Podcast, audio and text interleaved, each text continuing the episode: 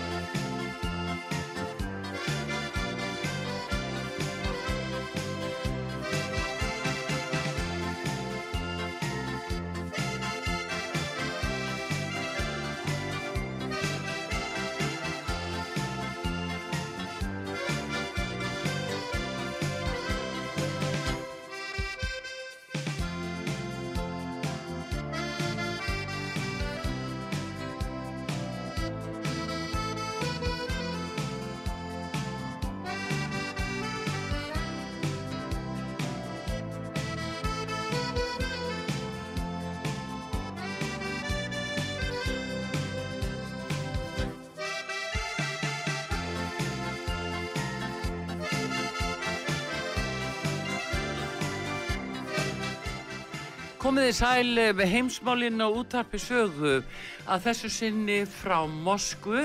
Það er Artrúð Kallstóttur og Pétur Gullursson sem tala við Hauk Haugsson, fréttamann okkar í Moskvu og við ætlum að fá að heyra af nýjustu fréttum þaðan þegar þessi orðið eru töluð á fymtudegi 17.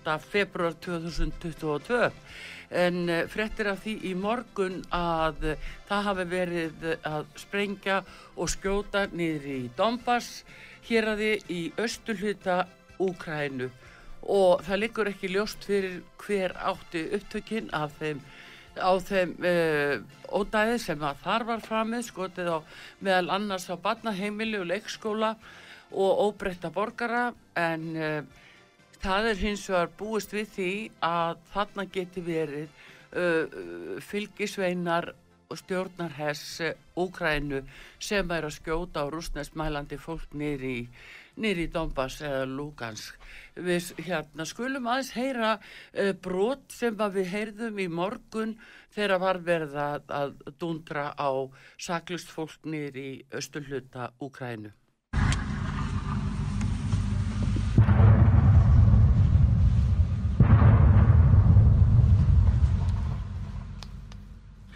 Svona er nú þetta bara í morgun og uh, við skulum heyra hvað Haugur Haugsson okkar maður segir í Mosku um þetta. Góðan dag Haugur.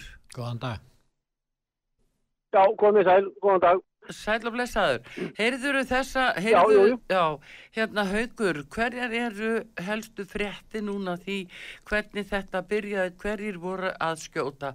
Var það stjórnarherrin í Úkrænu, voru það hérna hulduherr sem þar er eða voru þetta rúsnestmælandi fólknir í Lugansk eða voru þetta rúsati sjálfur? Hverjir skutuð, hverjir voru að þessu? Já, það er ljóst að uh, eh, svartins bár kannski eftir vill er að ganga eftir og uh, ég held þessi nokkuð ljóst með, þú minnist á rúsneskum rændi fólk í Lugansk og Donetsk að það er fólk sem hefur ekki áhuga á stríði og hefur verið þetta undir bísakólum stjórnarhessins í Ukraínu núna 8 ár samfélegt og, og uh, enginn talar um það, enginn verið það var einn áhuga á því máli.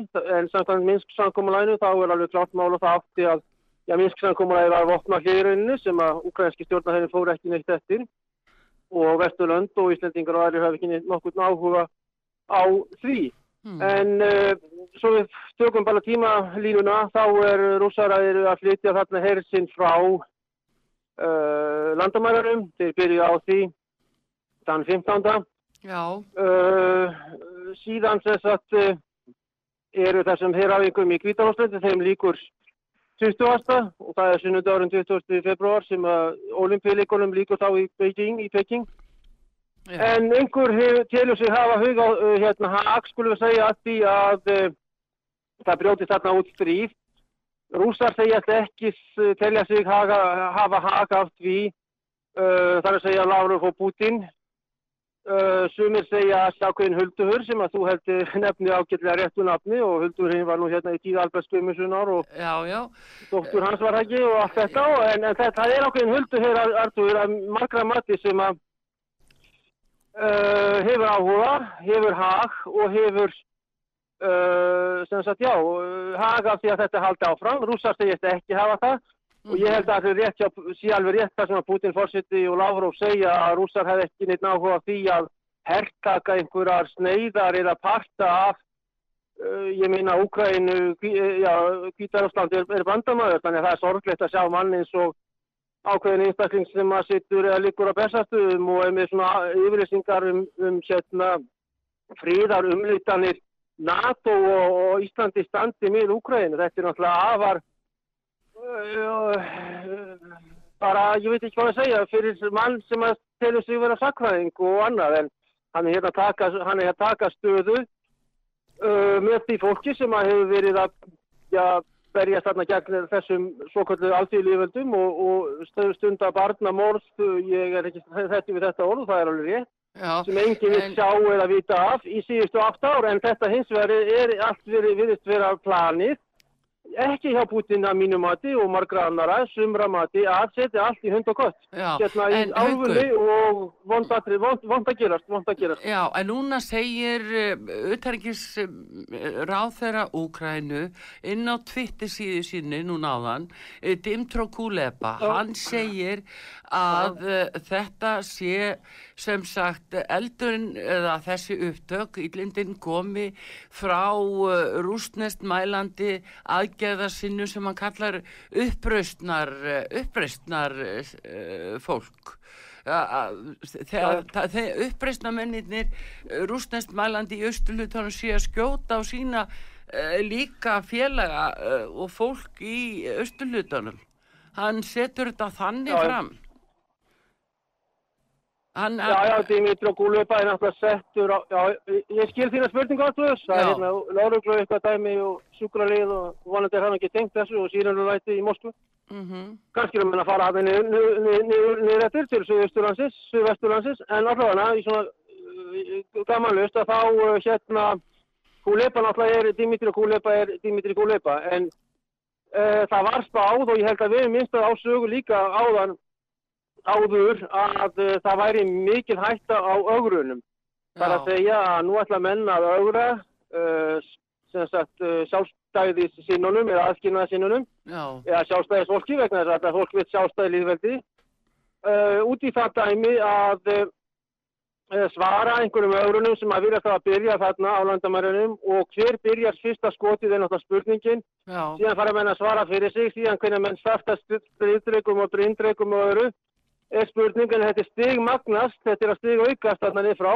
Já. og ég held að okkur við, við, við orðið saman um það síðast við rættum saman, það er það að uh, fólkið í þessum svo kvöldu alþýðlugutum hefur engan hag í rauninu af þessu. En þeir sem að tella sér hafa það er uh, myrk stjórnvöld eða myrk sem sagt eða fólk sem að kannski enginn sér og annað sem að vil það að hvað gerist, mm. þess að, eh, að svarið verið þannig að eh, Putin standi við orðsing dagvart þessu fólki sem er um, eh, já, tæpir 800.000 borgar pass, með, rúsnarskan passa, ríkisborgarar rúsnars, að hann gangi þá í það mál að verja þetta fólk vegna þess að þarna er stórskotalís ára á sér og hvernig þeir starta dregunum með spurning, skriðdregum og blindregum þarna er velbissu sem er í fattbissu ára á sér og þegar að Putin eftir vill og það er þetta kannski eftir þetta tímaspörsmál og klukkutímaspörsmál setur sinn hér í það að snúa við á lestunum. Mm. Það er náttúrulega reynda vissin að láta lestirna snúa við en einmriðarnar geta farið hinn áttina en þá þarf að frelsa alla, allt sem er á þess að þetta er tengt og það er farið eina átt en ef hún er farið hinn áttina þá er það vissin að taka í burtu og inn í depó sem sagt uh, farþegarlestir og aðra flutningarlestir en, en það er ekkit mál fyrir, rússarna að snúa þessum lestum við snúa við þarna viklum trailerum og trukkum sem eru með skriðtrykka á sér og auk þess eru þessi stegar með einhvern mannskap á svæðinu.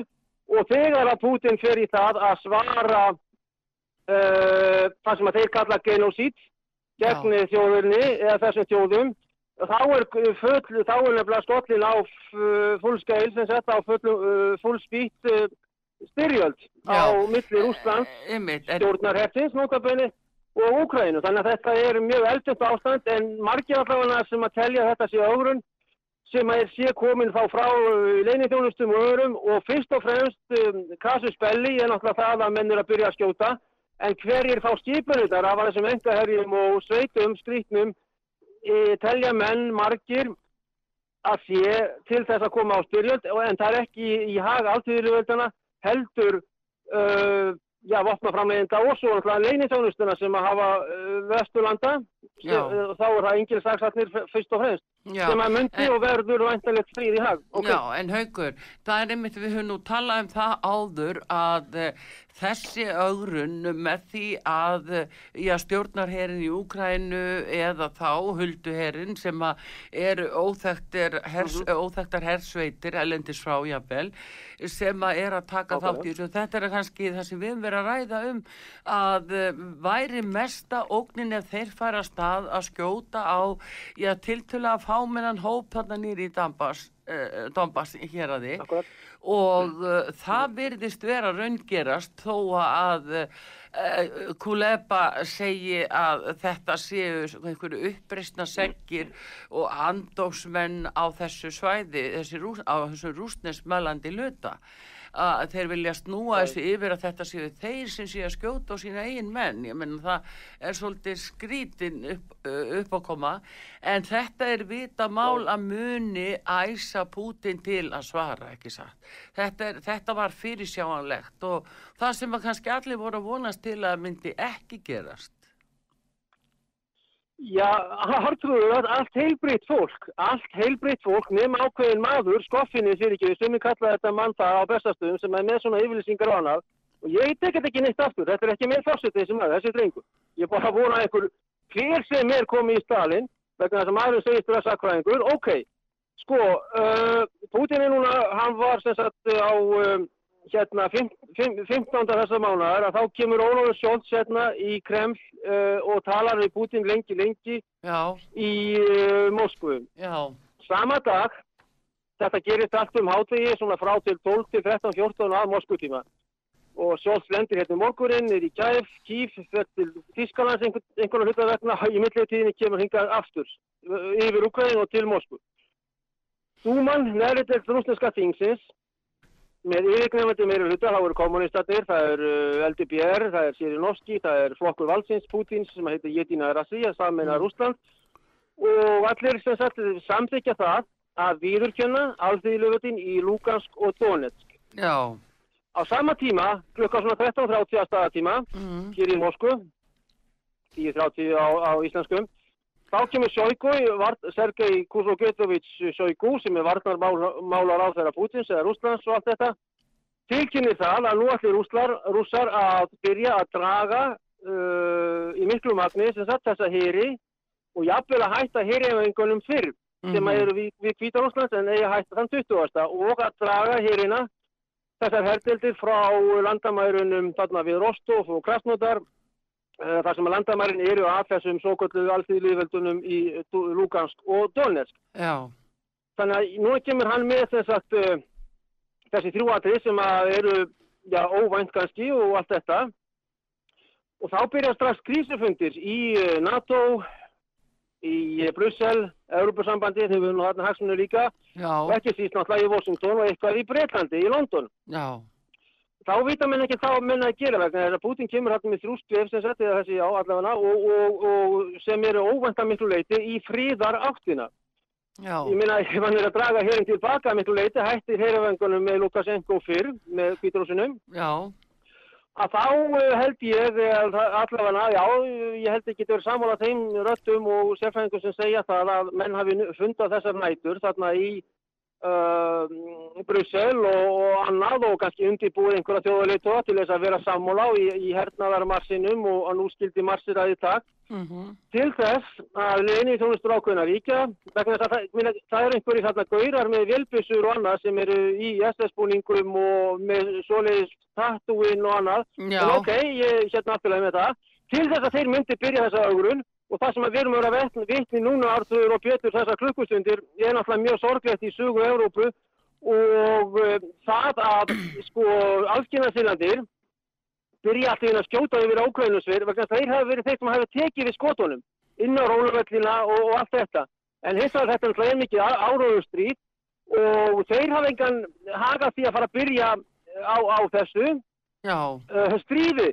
Þannig að auðvitað er þetta að margra mati. Ég, ætla, ég er ekki sko dómari og eftir á maður að geta sagt þetta en að margra mati og mér finnst það persónulega líklegt sé þetta ákveðin augrun sem að er byrjuð á og auðvitað svara menn þá á, á hinu já, umbóin. en haukur, ymmit núna, já, fyrirgefðu. núna ymmit bara í þessu tölu orðin þegar þú segir þetta út að þeirri óvissu, það veit til enginn hver skaut fyrst þess að sagt er en, en uh, það er allavegna uh, auðvitaðrækisráð þeirra Úkrænu sem segir að þetta hafi verið uppreistna sinnar í austulutunum en uh, það er margt sem bendi til þess að geti valla verið þeir að skjóta á sitt eigi fólk en hvað sem því nú líður þá bara núna þá er að fara uh, bresku vél uh, Royal Air Force Boeing C-17A.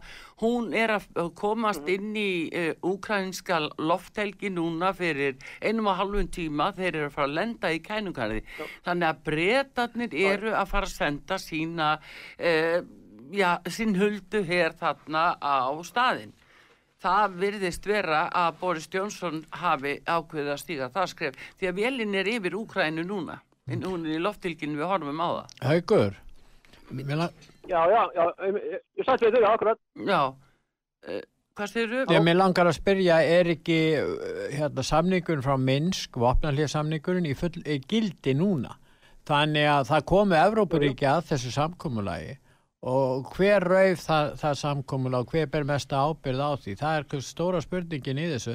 Artúr bendir á það, það eru jafnvel vestræn ríki eins og brettar komnir inn í þetta mál og við erum að horfa upp á það. Þetta er náttúrulega graf alvarlegt. Ef að, ef að NATO-ríki ætlar að taka þátt í átökum í Úkrænu og, hérna, og þá er spurningum þetta minnsk, hafði það ekkert gildi? Ég meina að það hefur náttúrulega verið þarna, hafa verið skærur og 14.000 manns dáið í átökum hérna á milli hérna í Úkrænu. En hvað segir þú? Hvernig lítar úsættin á þetta Minsk samkúmulag?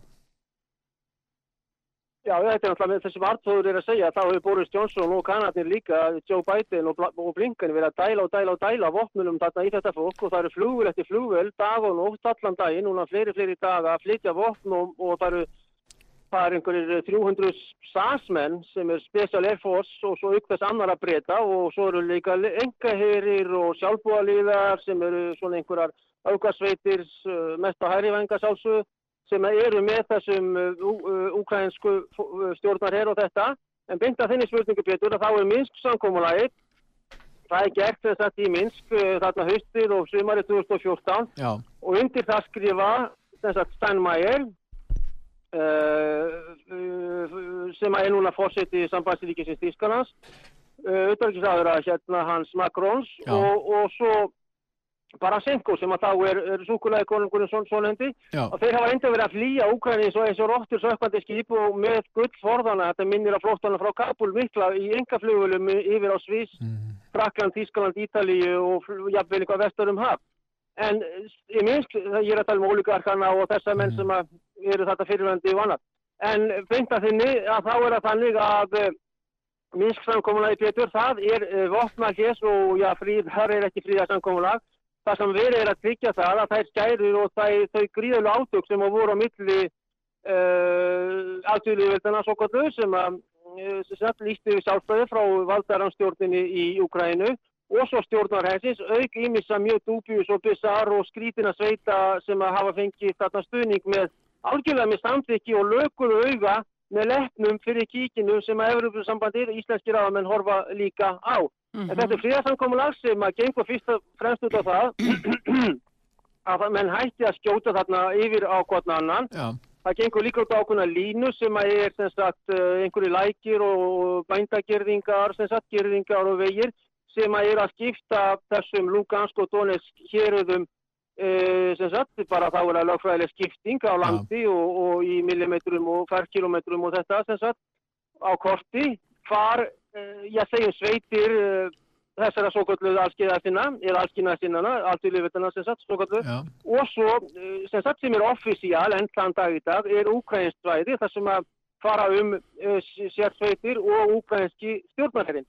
En fyrst og fremst og að sökrúsa að þá og alþjóðuveldina, þá hefur það verið ukrainski stjórnarherinn sem er að skjóta þarna nokkur deginn daglega og meira og, og, og stundum minna stundum meira og mjög mikið í dag og þessa stundina yfir á aðskina sinnana sem að segja bara svara áróðsum og það sem þeir segja að þeir hafa ekki uh, að byrja að skjóta þarna yfir á vestur, sem sagt, í vestur átt frá austru til vestur, mm -hmm. að þeir hafa engan hagað því vegna þess að þá myndur þeir hafa að kalla yfir sér enn meira springjuretnið frá stjórnar hér Úkræninu sem að fær dælingar af opnum frá vesturlöndum og, og menn brosa uh, í Reykjavík og fyrir sunnum Reykjavík og bestastöðum af því, af því dæmi og mér finnst þetta svo útrúlega alveg frábært en allavega mann greið og hérna það er fyrst og fremst hérna sko hlýðar og samkvæmlega menn, menn eða, eða vopna hlýðar skjötur, vopna hlýðar sem náttúrulega rétt að orða og sem er búin að brjóta og brjóta og brjóta og einhvern veginn farið eftir. Pétur, nei, haugur, haugur, nú vissum við eitthvað í fyrra dag að, að, miskusti, að Pútín var að, byrja innkalla herrin tilbaka og að þessum herraungum og það má segja að það var á sama tíma voru svona stjórnmálaskýrendur og já, stjórnmálamenn við það, þeir voru að segja að það var, glukkin væri að lokast. Það að ef það er ekki farið út í gær í, sko, í stríð í raun og veru þá væri bara glukkin að lokast. Þannig að eftir Akkurat. þetta í gær þá verður krísufundur bæði hjá Europasambandinu bandaríkjunum og NATO. Það er, allir, það er bara krísufundur. Og, og af svona forraðamenn þessara þjóða þeir voru að talandi um sko að það væri graf alvarlegt mál og annað þeir vissi ekki hvað er átt að gera en á sama tíma þá er rúsneska dúman eða þingið að samþykja að alþjóðilífildin Donetsk og Lugansk eh, fái sjálfstæði. Og þetta hefur kannski verið eins og ólja og elda á á þessa stóru blokkir að sjá að, að Putin var að taka röfulega, hann var að taka salin með því að, að, að Dúman skildi samþykja þetta Var, var Putin búin að samþykja þetta sjálfur? Sjálfstæði þessara alltíðilífvelda? Já, hann segir, hann sagði það í vittalið hérna við Þíska bladamenn og aðra í Kreml með honum sjótt að Dúman, þess að Dúman vegna þess að hún ætlaði neðri til tingsins og hún lóksvæðilega getur hún gert þetta en þeir sem eru í þinginu að þeir finna stemningu kjósenda og stemningu kjósenda þessu að það eigi að bjarga þessi fólki undan þessum uh, árásum sem hafa aukist núna síðustu klukkustundar mjög frá áskonarsveitum og stjórnarherr Úkvæðinu og þessi glöggi, þetta er merkilegt sem að þú segir núna aftur vegna sem menn nota þetta, þetta er eitthvað álum frá NATO sem þessi NATO menn eru að endurtaka. En menn hafa greiðið að segja þetta þennan vindó, þarna þennan glöggu, þetta vindauga. Og það gengur sem sagt út á það að áður en olimpíuleikunum líkur, sem sagt líkunni, vikunni líkur náttúrulega á sunnundaskvöld eða sunnundaslót, að þá nú skal nota tækifærið, núna er Artur er Putin að taka herrin tilbaka, mm. þannig að núna er að now or never, segja þeir í, í Brussel og Washington, verði því að ganga þetta í mál, koma þarna á ágrunn og koma á þriðja heimstýröldinni. Og þetta eru auðvitað þessar öfgamenn þarna sem eru reyndar undir einhverju herrstjórn, þess að þeir myndu skera heilu þorfin á, á háls þetta fasistalið eða þessi líður þarna eða gætu en þeir eru átnir þarna hvena sem þetta gerist svimamotni að staðartíma eða íslenskum eða eitthvað byrja að skjóta, þá byrja þessir e, svo kvöldur áltíðum en að skjóta á móti en þessi, þetta vindauga sem að menn er að dreyma um og átti að gera þetta í þessari viku, nú er einhver 15. vika eða eitthvað svoleiðis ásins, Já, sem að líkur þarna 20. og olimpíuleikunum líka, ok, en þetta er stóra stundin sem að marga hefur dreymt um og ætla sér að nota og þessi glugg, þennan glugga skal nota sem Já. að menn eru sem sagt að þetta hugtak er náttúrulega mjög, mjög merkilegt og, og uh, til þess að þetta hreinlega. Eins og ég hef búin að segja og við vorum búin að segja á sögur og, og, og aðri spakir menn reyndar eru uh, íslensk pressa er náttúrulega grín og allt þetta og íslensku já, hérna elita En, e, e, ef að við, uh, áhrinni nyrði já, en haugur, ef við lítum um þetta á þennan krísufund bæði hjá NATO, b- b- bandaríkjamönnum og uh, og Európusambandinu í gær að það er sko þegar þeir sjá að glukkin er að lokast og rússarnir eru samt bara þá eru þeir bara að hætta við. Þeir eru bara að, draga herin tilbaka. Að þá sé allt sett á stað raunverulega í gærkvöld að það verði eitthvað að gerast á álfu uh, eða í Júkrænu semst í dag, í morgun tímas línan í Já, já. þessu segir mann að þetta er í beinu framaldi af vandræðagangi eftir að, að menn urðu að horfast í við það að Pútin ætlaði sér ekki þann inn og, og, og kallar herinn tilbaka. Al, algjörlega og svo eru fundir og grísufundir sérstaklega náttúrulega í Brussel og einhverjum bunkurum þarna í uh, bandaríkjum líka Já, En þá, þá eru þess að þetta dra, Draghi á Ítalíu segjum Macron sem er svona hófsamaður, hún og norska vinkun okkur, hann, er líka en um, Huttfeld já, og einhverju aðrir segjum náttúrulega líka hérna ungvirarnir, slovakarnir, slovinarnir og tjekkarnir og slovakar eh, eru þá með svona hófsemdar og efasemdarættir en þá kemur bara einhver maður, ber í borðið í hermannabólingi eða ekki, hvort hann er svíja eða pentagon eða í civilklættur eða herrklættur.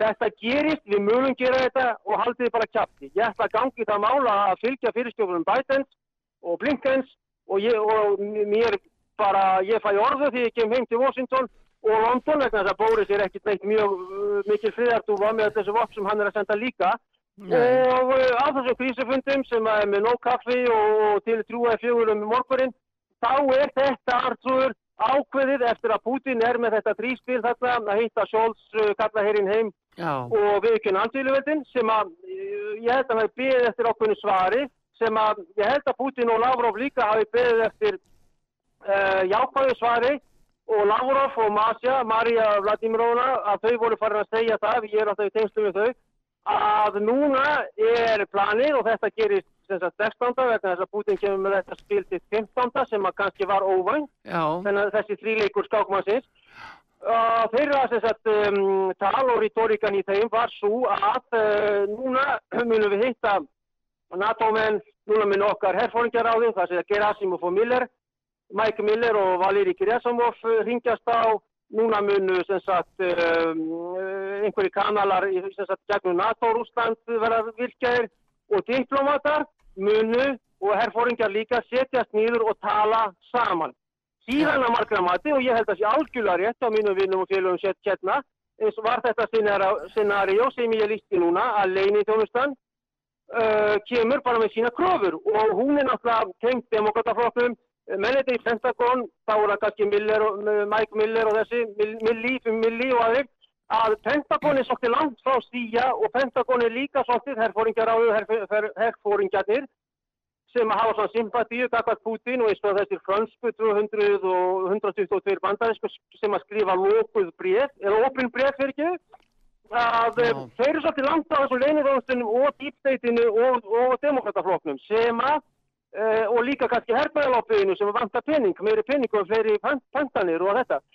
Þannig að það er ákveðin sem sagt konflikt líka að milli svona hilbreyra herfóringja skrúfu segja og svo þessa eh, þetta skítaloppi sem sagt eða segjum bara dýpsteiti og demokrataflokkurinn og aðrir og, og þar eru nú eh, hérna, eh, liðið sem að við aldrei svá stríð uh, að þeir höfðu ofan á skulum við segja. Þá er ég að tala um leinithjónustuna og sem einhvern í- eru í þjónustu sem sagt og þurfa bara að framfylgja skipurum, menn mann greiðin og þeir fóru fram á þetta Já. og þetta var gert. Já, en já. það eins og einhver fórseti er að segja að, að þessi, þessi námamenn og bændur þarna byrja að skjóta allir á stjórnar hér Ukraínu, það er náttúrulega grín sko. já, En segðu mér eitt, þú þú hefur aðeins eitthvað millir eirtuna, Artur. Segðu mér eitt, Ég er að beina þessu ekki til ykkar að sjálfsögðu. Nei, en, Ég er að beina þessu til þessa manns þarna. en, en Haugur, eh, þegar spennan var að auka þarna þá var það ljóst að bæði þjóðverjar og frakkar að þeir vild voru hófsamari það var alveg ljóst að. Macron vildi samninga og uppalega vildu þjóðverðinu það líka en þeir eru miklum viðskiptum við rússa uh, síðan Já, já. er þetta minn sem ég var að minnast á áðan þar komu þjóðverðinir að, þar komu frakkarnir að og þar komu úkrænumenn að nú er spurningi þessi á þessum tíma þegar þetta samkomulega er gert þá koma bandaríkjamenn ekkert að því Þetta er ekki þjóðar hagsmunir bandaríkjana sem er að gerast í Evrópu. Bandarískir borgarar vita afskaplega lítið um þetta og skipta sér lítið á þessu og skil ekki af hverju þetta er. En það er fyrst og fremst kvitahúsið og bandaríkjafossiti sem er að leiða, hérna, draga vagnin í þessu spennið þrungna ástandi sem hefur orðið og verið búið til af honum og fjölmennum. Og svo hefur hann fengið þessa leiðtóki í Vestur-Európu þrýst á þá og, og þeir hafi ekki lagt í annað eldur en að, að láta undan þessu þar á meðal utaríkisráður Íslands Já, já, já, já, algjörlega. Þetta Já. er mjög rétt aðtúa hjá þér, þér Pétur og það sem ég náðu ekki að segja áðan með, með minnst samkómulægir og þegar að Frank Walter Steinmeier, núverandi fósitt Þýskaland, skrifar þar undir á samt frakkanum til að ég reyði mann rétt. Mm. Uh, þá er planið sem sagt hjá Putin og Lavrov sem að þá náttúrulega er við stjórnvöldin líka, stjórnvölin, það er það að engilsaksnar séu ekki í því eh, verkefni að ákveða örlög meilands Evrópu mm. Í þessu tilfelli. En það átti að halda Bara segja, áfram haugur með að vinna út frá Minsk. Hefði þeir bara haldið áfram með Minsk. Úkræna hafði samþýtt það. Nú eða kom upp ágreiningur þá já. að vinna áfram á þeim grundvelli til að halda vopnalíi til að halda ofbeldi niður sem er grundvallaratriði. Ofbeldið er vesti óvinnu mannkísis og það er það sem er svo skrítið í þessu máli. Af hverju af hverju, því að þetta er ekki þjóðarhagsmunni bandaríkjana þjóðin, bandaríska þjóðin vill þetta ekki. Það er ekkert sem bendir til þess nefn einhverjir uh, leiðtógar demokrataflokksins aðalega og svo einhverjir uh, ró, ró, uh, republikanar en almenningur, og þá er spurningin af hverju er þetta gerast af hverju er kvítahúsið að búa til þetta mál út af þessum 800.000 uh, rús, rústenskt mælandi fólks í austurhlutanum sem að auðvitað verið hægt að ná samkomulagi uppafi hefði þeim ekki verið bannað að tala rústensku þá hefði þessi deil aldrei orðið til Nákvæmlega. Er það ekki nákvæmlega. rétt? Það eru bara þessi, það eru bara ákveðu skítaöfl, Já, skítaöfl, ég endur tökja þetta mál, Já. í bandarækjunum, í Breitlandi, vegna þess að það átt að setja engilsaksana út af samningaborðinu.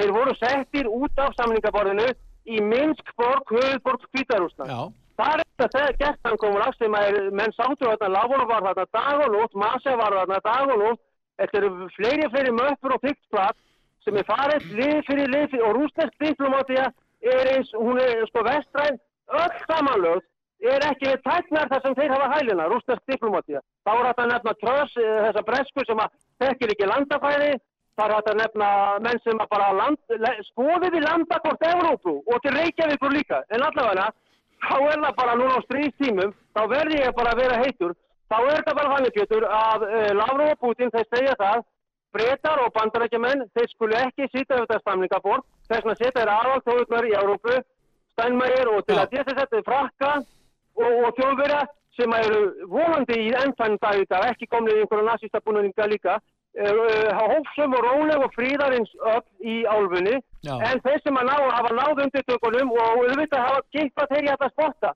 Það eru leinitjónust og deep state öflin og, og þeir sem eru vissulega tengt um, vopnaðinaðinum og uh, svona varandi þína þarna hlýðar útskotið hjá þinni spurningu Pétur, þá er það, minna bætin, akkur hefur hann hagað þessu, akkur er skil ekki. bætin að láta að þetta. og vegna þess að Milley og þessir herfóringjar held ég hafi ekki tengst við þetta haga þessu.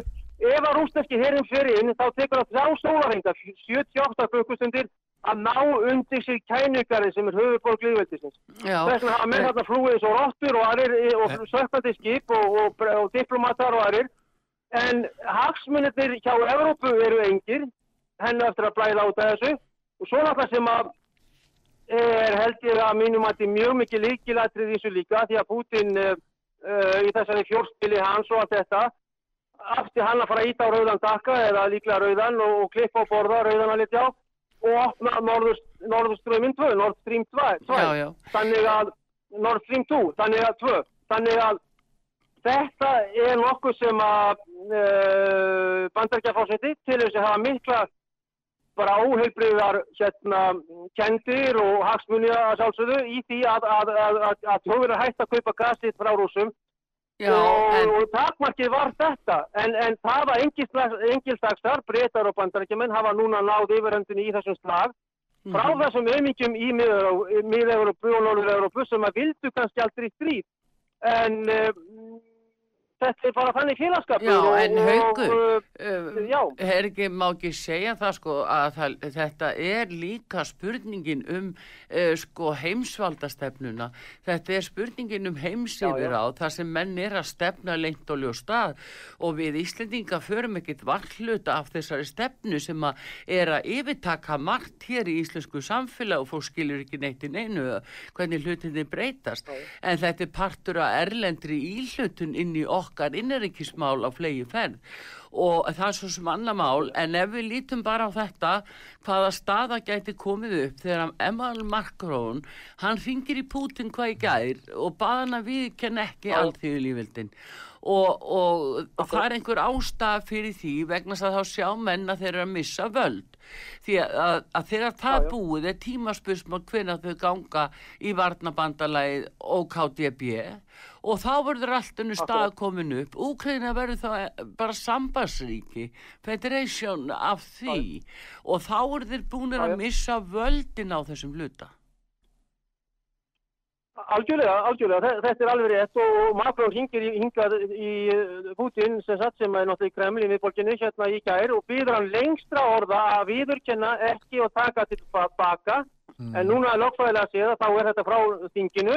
Já, og uh, Putin, hann getur sér satt skrifað undir um, plagg í kvöld eða nótt eða fyrramálið og viðurkend þessi lífveldi. Síðan eru ákveðin þing hjá þeim sem að heita líklega einhver alþjóðu þing eða rata eða dúma eða Já. þá bara stopna þeir rötu og allt þetta eða seim eins og er í Lítlandi, Lettandi okay, og Pólandi en alltaf þá kemur einhver ratan, eitthvað ráður og segir það að við sækjum um aðeins á KTB.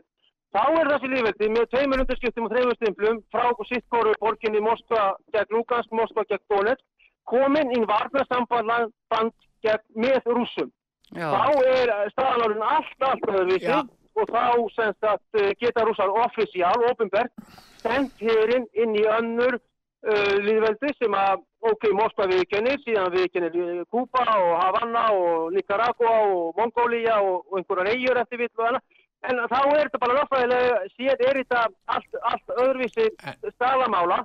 En ég meina, akkur eru þau sem ákvaðu að fara þetta í, í dæmi vegna þess að það er útilokað að, að námamennir og þessi bændur og aðrir fari sjálfur að skjóta yfir á Úkrænuherinn. En akkur var þetta ákveðið að gera þetta? Ef þetta ákveðið til þess að Putin tæki þessi alltíðliðveldi núna inn e, bara í, eftir 12 klukkutíma sem að gerist e, bara er orðið núna Pú- Putin, hann ætlaði að liggja á þessu, hann ætlaði að sofa á þessu og hann hefði getað gert þetta bara næsta voru eða næsta haust eða eitthvað, skilur að, En en, þetta, þetta- er bara að þetta flýtir þessu, en, menn, en þessi hérna, hypotesa mín, auðvitað er hún raung vegna þess að þetta er gert í örvæntingu, CIA og MI6 og einhverja vopnaframleginda til þess að Evrópu blæði eh, meira Já. og ekki síst efnaðarslega með semst þetta gasið. Nei, þetta er partur, já. hauku, þetta er partur af handritinu og, og þessina af því að er svo kallagi, gluggi var að lokast í gær og menn sá að Já, þeir voru náttúrulega að kaupa köttir í seknum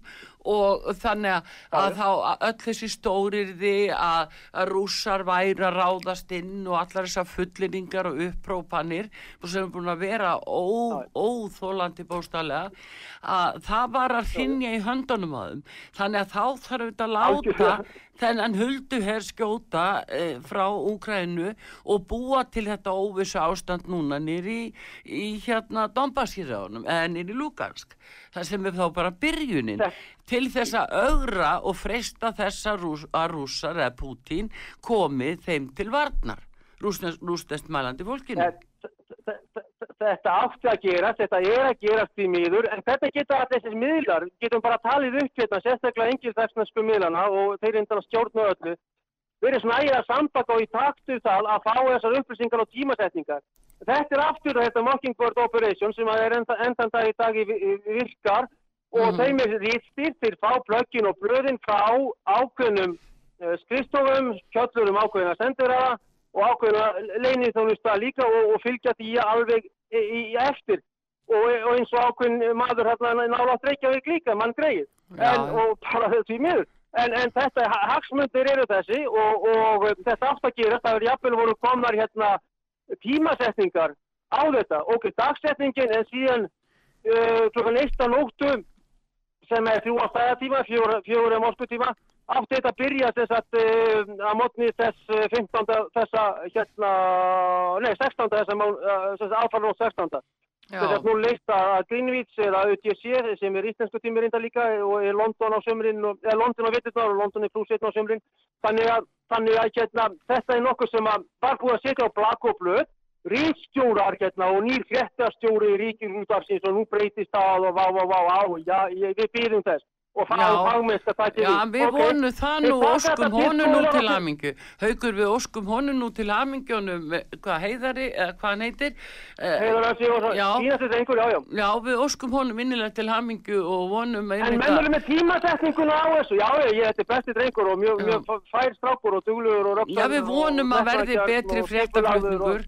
Það þýðir það. Volum það, volum það, volum það. En tímasetningarnar aðtrúður, að menn koma með fréttir og það, herðu, fréttin er að gera bara eftir náttúrulega klukkutíma, þá segir fréttastjóri, herðu, ég þarf ekki að taka hann tilbaka. En mm. þessi fréttin og þessi plökk og þessi skjöl eru bara frá síja. Þetta er bara limir að tala, bara let me talk straight. Þetta er bara, og þeir vita alveg hvað það er að gera.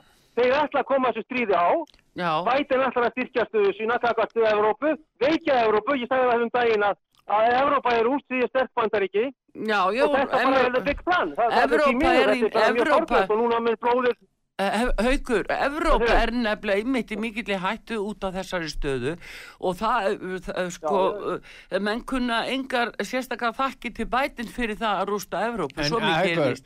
En við, við eiginlega þurfum að fá auglýsingar hlið núna.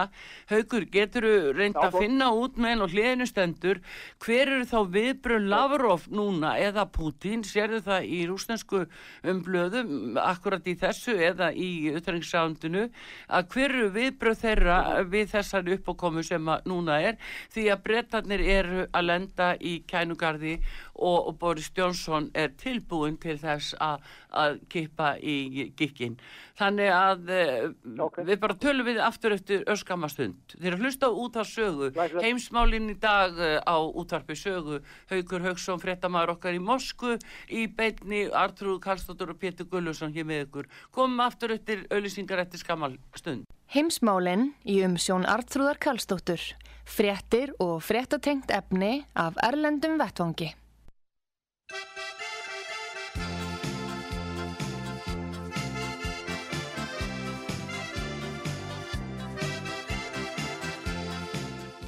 Komið þið sæl aftur heimsmálinn á útarpi sögu.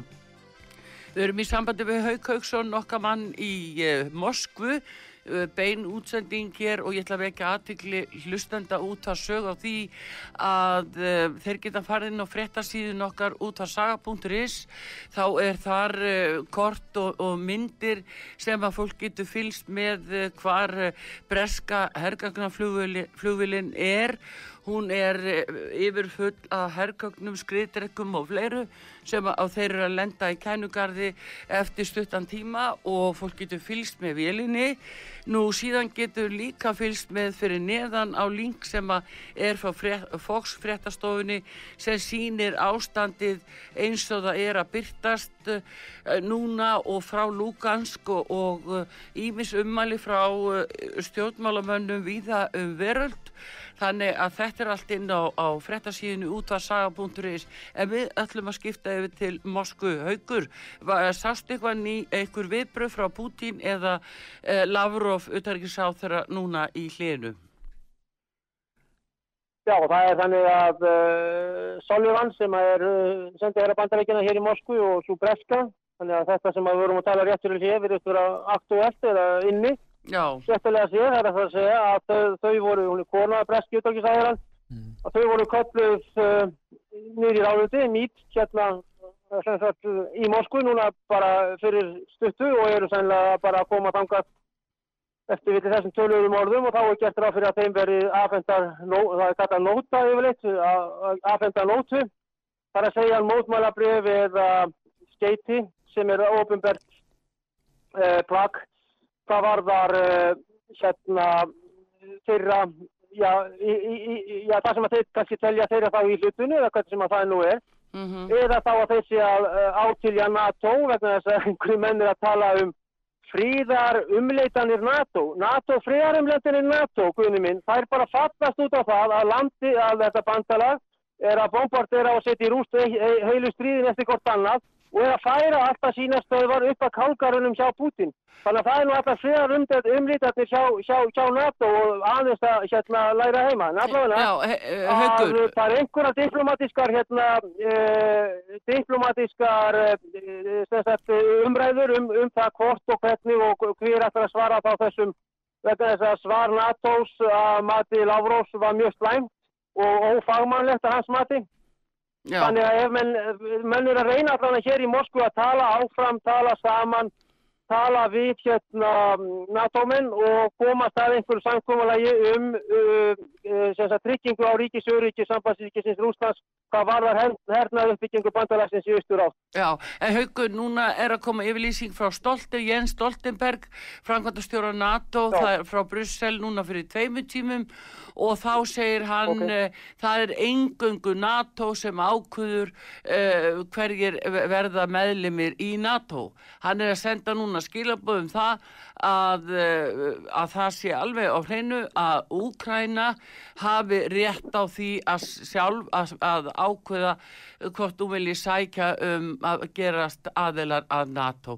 Þannig að þeir eru að opna á það að taka Úkrænu inn bara 1-10 til þess að réttlæta sennilega þeirra eigin íhlutun sem nú þegar er farin á stað. Sama ber þessi hérna vopnaflutningar sem að er að eiga sér stað og, og hergagnaflutningarnir inn í kænugar bara vilinni að lenda skiluru. Þannig að þeirra réttlæta það með því að kipa sennilega Úkrænu inn bara eitt fyrir tíu. Og, og eins og ég segi, NATO-löndin hinn og meðal annars við Íslandingar ætlum við að láta þetta yfir okkur ganga. Þjóðun hefur náttúrulega ekki verið spurð og, og menn bara er leiðitamir og, og hlaupa blindandi. Við erum fríðar þjóð án hers og þannig að, að þetta er náttúrulega enn eina ferðina sem að íslenska þjóðin er teimt í bandi bara á e, eftir svona, svona yfirlýsingum. En, á, á astmaðurunum en einu sinni en ef að, ef að NATO væri með einhverjum fríðar hugleggingum eða fríðar viðræðum eða fríðar einhverju eins, eins, eins og sagt var eins og ég var að vitna hérna í álan og þetta er, er ofinberðið blöðunum þá væri Stoltenberg niður í Donetsk eða Lugansk eða þessum borgum hérna í Moskvu eða bara einhvers þar í Bergen eða Lillehammer með að funda með Pusilin og Pacisnik og síðan með honum Selenski, unga fórsettanum í Ukraínu og mm. síðan með Putin ef að NATO væri einhverjum fríðar hugleggingum eins og þetta var sagt og þá væri þeir ekki að senda vopn í miljóna, miljóna tonna vís og, og skotinn og sprengjutnar og viðbjöðurinn hérna inn á Ukraínu, heldur þá væri þeir mittliliðir. Hefur einhverju hjá NATO, einhverjum mesta hérna, já, bara einhverjum látsettum dottið í hug hjá þessu bandarinska þrýsbandalagi, Pentagon herrana, að ringja í einhvern og reyna að fá einhvern í kaffi og segja, herruðu frákar, við þurfum að róa þetta, uh, tölum saman, ok, þið hætti að skjóta okkur við á ykkur. Nei, Þetta móti það er stríðshugleðingarnar, það er bumbuslátturinn til þess að koma á stríði þarna í, uh, hérna í Európu. En, en haugur, ef að uh, stjórnveldi í Úkrænu ráðast inn í austurhjörðin, hvort munur ússatnir uh, nota hersveitir sínar undir sínu fána eða senda sjálfbúðaliða? Hvað til þú líklegt í þeim efnum? Því ef þeir senda hersveitir til austurhjörðana, uh, þá náttúrulega erum við að tala um stríða millir Úkrænu og Rúslands og en Já, ef þeir senda sjálfbúðaliða og herrgögn og annað þá eh, lítur það öðruvís út. Hvað segir um þetta? Þetta er góð spurning Petur vegna þess að uh, aldurlíföldin 2 eru mun verð vopnum búin heldur en stjórnarheir Úkrænu sem er búið að fá þetta gigantíska magn núna síðasta uh, uh, dægrin og misserinn. Þannig að fyrstum sinn held ég og Putin myndi líklegast og uh, Sjойgu og Gerasimov hérna í hernum notast við um, það sem að þeir kolluðu hér áður fyrr fyrir 7 árum, fyrir 8 árum þá var þetta kallað menn í leifi sem að fara sem sjálfbúðaliðar. Þá var þetta menn sem er í hernum, fá kannski leifi, er í leifi en eru svona þjóðurnis sinnaðir í þeir eða, eða patriótar eða eitthvað og sem minnast náttúrulega stríðins og min, þeir mistu móð, mæður og fæður og afa og 27 miljónir í setna stríði. Þeir setja þetta svolítið sem antifasistist uh, bara þetta núna, uh, já, á því að manna hér sem myndu fara allir niður en, uh, og berjast og þetta eru drengir sem að gera það, þetta eru miklir naglar og halda allavega í, við stjórnarhegin á samt hans sveitum. En síðan held ég að Putin það myndi ganga í það lögfræðilega sem lögfræðingur eins og þú að það sem hann er búin að fá heimild hjá, hjá þinginu sem kannski var plottað eitthvað bak við tjöldin einhverja daga eða eitthvað í þinginu en þetta var það mikill meiri hlutu annað, það var ekkit mál En er það ekki óskinsamlegt að, að að lýsa því yfir, yfir fullveldi þessar að gera það sem sjálfstæðis og fullvalda ríkis, ég meina, það, er það ekki, sko, til það, getur það ekki myndi valdið því að, að, auka bara hættuna á allserja stríði á svæðinu? Já, það getur vel verið betur og það sé bara eina svari sem að hann hefur í stöðunu vegna þess að hann hefur heimild til þess, hann fekk þessa ögrun á sig, ekki voru það rússatinn að byrja að skjóta, ekki stjórnarhinni, það er alveg 100% og mjög ólíklegt uh, að náumennir eða sjálfstæðis sinnarnir, sjálfstæðismennir þarna í Lugansk og Tónist hafi byrjað á þessu, en fyrst að þetta var gert, fyrst að þetta skref var gengið í Mm. að uh, þá er Putin ekki par ánaður núna sem hann voru að vonast eftir diplomatískum uh, viðræðum á samt Lavrov við þessa menn í NATO og þeir hafa streymt hinga núna síðustu, síðustu uh, dagrin allt frá Ungverjónum og svo eru fleiri og fleiri og aðrir og Brasilia í dag og annað og, og náttúrulega Macron, kannski þá stærsti og Olaf Scholz sem eru uppistöðuríkinn í Európu að að hann bjóst held ég við uh, diplomatískum viðræðum sem að auðvitað er það, diplomatía og diplomatík og dialóg og samtal er eina svari.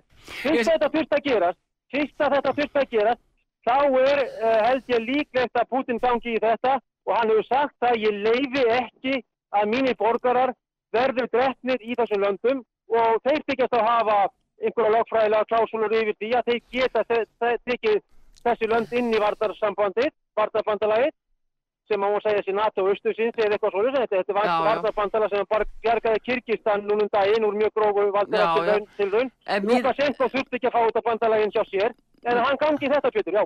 En miða við það sem að, að allavegna að uh, Stoltenberg er að segja núna, þá bendir það til þess að þeir sé að taka Úkrænu bara inn eins og skot. Að maður sé núna að uh, varnamálar á þeirra bandaríkjana Lloyd Austin, hann segir að Rúsland uh, sé að uh, fljúa yfir inn í úkrænska lofthelgi og fylgjast með og, og hann segir sko að þetta sé eh, engin spurning að rús, rússarnir séu semst að, að trappa sig þarna inn á, án þess að gera nokkuð vart við eða vara nokkuð við því með einhverju fyrirvara e, þú veist, eftir að glukki lokaði í gær þú veist, þetta er rosalega skrítið Já, glukkin, já þessi glukkar og þessi vindaugu hjá þessum NATO-fólki og NATO-fólki í háskólanum og annars það er nú bara þannig að Lloyd Austin sagði það í uh, Philipsheim í Manila í síðasta mánu Já, Soviet Union are going to invade Ukraine. Ég meina, veit þessi maður, þetta er krem til að krem í, í, í vandamalaðinu. Sovjetrikin liðin til lok fyrir 30 árum. Ég meina, uh, Liz Truss, Elizabeth Truss segir það að we are going to have the Baltic states through the Black Sea. Ég meina, hún er að segja þegar þetta hjálpa hérna að hún heldur að Eistrasaltlöndin séu við svarta. Síðan er hún spurða því, Voronins og, og hérna Rostov, e, hún heldur að þessi lönd, eða þessi svæði sem er á landamærunum, hún heldur þetta sé la- svæði sem að Úkræna ræður yfir innan úkrænska lífveldisins. Þetta er svona eins og þegar háttutur Gunnar Bræði Sveinsson uh, getur ekki sagt Úkræna, Úkrænía. já, já Ekki nýja, en- heldur ína. Ég meina þetta er svo ótrúlega heims, ég meina mentunastíð á diplomatíu hjá þessu fólki en það sem Austin er að segja það er því að hans hlutabref núna hækki, hann er hérna í einhverjum sprengjuversmiðum, eitt besti hlutafinn, já, að uh, auðvitað hann líka bara að reyna að hella eldi á uh, olíu á eldi, það sem að alveg en- mínum að því bæði Putin og Lavrov voru að reyna að gera ekki. Það hella vatni heldur en ekki olíu. haugur svona síðustu sko myndur þú halda það þá núna að er ég að skilja því rétt að, eh, að þetta kalli á það að eh, bæði Lavrov og Putin sjáu enga aðra möguleik í stöðinni en að fara þá bara inn með lið þarna mótinir í Lugansk Það er bara tíma sýstmál. Þetta er að þróast á það vest og þann vestaveg sem hugsað getur, menn er að koma þarna og komandi með alls konar sveitir sem að ganga allt mellir bós og höfus í eiginlegri merkingu á Já, róluvöllunum á fólki þarna. Þannig að því miður held ég að það sé tíma spursmál og hversu lögfræðilega Putin ætlar að vera uh, hérna uh, lojal, hvað var það, korrekt kannski, hvað var lögfræðilega atriði fyrir það síðar, þá tekur hún það inn og hann kannski sendir þá bara fyrst mennina og tekur á síðan inn í varnabandalagi. En þetta er náttúrulega er skjálfilegt ástand sem er að skapast og uh, það sem ég hef tilsvönguna fyrir og við höfum það mikla á sögu og máttur í samspá er að uh, þetta sé bara skjálfilegt ástand sem að er búið til að mestuleiti vestan fyrir haf sem að eru náttúrulega uh, 20, 15.000 kílometra frá þessu svæði. Uh, Já. Þannig að, uh, en, en eins og bara að þeirri þinni spurningartrúður þá held ég að hann þurfi að snúa þessum uh, lestum og rútum og öðrum við og auðvitað eru þeir að gera það þarna í varnambalárundinu sem er hérna gríðarlega bygging hjá Gorki Park. En Þeir eru afleiðingarnar, og en, en haugur, afleiðingarnar, allserjar viðskiptabann á Rúsland, uh, þegar það hefur Já, verið já. varpað úr alþjóðlegum stopnunum, uh, það þýðir það Já, já. að, að uh, þeir stefna því að gera Rúsland, bara gera að, að stefna gjaldfróti Rúslands og markmiðir gengur ykkur austu hér, heldur krímskæin líka og herstöðum þar. Þannig að, að Já, uh, já. í raun og veru verður rússarnir komnir í mjög erfiða stöðu því að heldar framleiðsla og auður Vesturland og Naturíkjan er svo margfalt meiri sem, sem sem efnahags stórveldi þannig að það er mjög dýrt að reka svona styrjöld og það er mjög líklegt að rússarnir geti farið mjög illa út úr þessu og þá neyðast þeir til þess að semja og semja jafnvel um að krímskæin fari aftur til Úkrænu. Sko þannig að, að, að staða Rússlands er mjög erfið í þessu málum. Og þá er spurningi hvort að eins og við verðum að tala um sjálfbúðaliðana, hvort að það væri ekki þá til að styðja raun og veru uh, rúsneska, rúsnesku mælandi uh, Úkrænum fólk, þarna austu hér áðunum, væri það skynsanlegast að ef þeir verið komnir með og heldur þú að munir, munir þá ráðast inn í aðra hluta heldur Úkrænu rússarnir til að skapa sér einhverja betri Ekki- stöðu þá er þeir náttúrulega komnir í Þeir myndi ekki að fara yfir þessi landamæri sem að voru sett niður bara metra fyrir metra samkvæmt minnsankomlega þeir myndi ekki fara inn í Nei. það. Hins vegar Pétur er, er staðarindin svo að það er uh, mjög stór hlut júgræðimanna í mörgum hérunum meirluti sem með, með glöðu geði myndi vilja fá rúsneska hermenn þarna og fá ára stjórn í kýf. Ástandið í landinu er þannig hins vegar alltaf verða þjóðurnisöfl og, og, og, allt þetta og nationalistar verða mjög sterkir við svona. Og það verður náttúrulega einhver mobilisering í þessu. En bæði það að mórallin og ástandir og spæting og annað innan þjóðfélagsins er gríðaleg sem að er náttúrulega líka innan hersins vegna þess að það er með sjúkt og bílað þjóðfélag og það sjáum við bara það lit og að þá er herinn, það er bara eins og Jón Baldin sagði, þú getur kæftið skriðbreyka fyrir, fyrir, fyrir tvo vodkakassa og, og síkaruðukartón og, þá komið fartbissu líka tvo, Já. vodkakassa og síkaruðukartón þannig að spillingin er gríðaleg svo náttúrulega þessar, þessar um, já, hálgjörðu nazista sveitir náttúrulega eru stórhættur að líka. Svo er eitt að stíka lokum Pétur það er það að hvenar alltaf þessi nazistar að steipa Selenski og svo ha- hata þeir bara sem fórsókulæði kongin og það er ólíkarka stríð í Ukraínu líka. Já, já, þó að þeir hafa allir uh, yfirgefið skipið núna og stokki frá borði að það koma þér aftur, það er gríðalegir hagsmunir og, og, og, og spillingin er, er algjör en ég held að Putin muni sína já, harða tilbyrði núna og ég óttast það, ef svo maður segja, já. já, við fylgjumst með áfram uh, Haukur Hauksson, uh, fréttamar okkar í Moskvu, þakka að kalla fyrir þetta og þessa innkomu. Við höldum áfram sannarlega að fylgjast með takk fyrir og ég vil benda hlustendum á það að, að inn á heimasíðinu, fréttasíðinu útvarsaga.is þar getið þið fylgst með bæði flugleiðum þarna inn þar að segja uh, hergagnavélum frá Bretlandi yfir til Úkrænu sem er fara að lendi í kænugarði, koma með skriðdrekka þangað og bresk íhlutun þar greinilega. Nú síðan geti við skipti beint yfir og beina útsendingu frá Fox sjóastöðinni sem er að reyka þetta mál frá einni mínútu til annarar og þetta er allt í, beinni útsendingu inn á frettasíðinu út af saga.is en ég ætla aðeins að vekja aðdegleikar á því að fórsiti Íslands Gunni T.H. Jóhannesson hann sendi bref, stuðnisbref og stuðnisífylýsingu til uh, Vladimir Selenski fórsita Úkrahinu Uh, uh, já, í gær uh, kannski þverta á vilja allra Íslendinga hann gerir þetta samt Já, við og við, nei, bara hann er fórsiti hérna og sér, hann, hann er að skipta sér í samráði við auðaríkisáður eða það á eigin spil væri þá gæðilegt að auðaríkisáður að gerði þetta já. vegna þess að auðaríkisáður að fer með og framkvæmir valdans já. þannig að hvað er hann að gera og og, og þetta er bara mjög alvarlegt að Ísland sé með þessum hætti að opið vera einhverja gerfi stuðlýs yfirlýsingu. Því eins og ég segi Íslenska þjóðun hefur ekki verið spurð um þetta.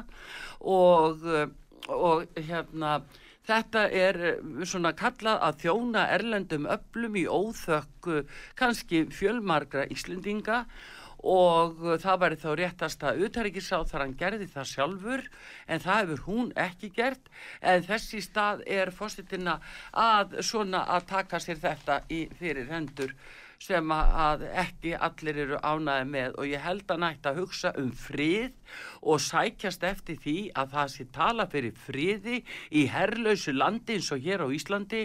Við viljum frið hér í kringum okkur. Við viljum ekki láta teim okkur og astna í ránum eh, hvert sem eru við að vöruld og leggja blessun yfir eh, strís átök og, og, og mannfall. Og við viljum ekki koma nála þessu og alls ekki fósitinn það er bara þannig Þannig að þetta verða síðust orðin í heimsmálunum frá útarpi sögu í dag og við þökkum kærlega fyrir haugi högsinni eh, Artrúð Kallstóttur og Pétur Gullusson, þakka fyrir og tæknimenninni Daví Jónsson og Jóhann Kristjánsson sem sér um eh, kortin hérna og beinar útsendingar á frettasíðinu út af saga.is og takk fyrir.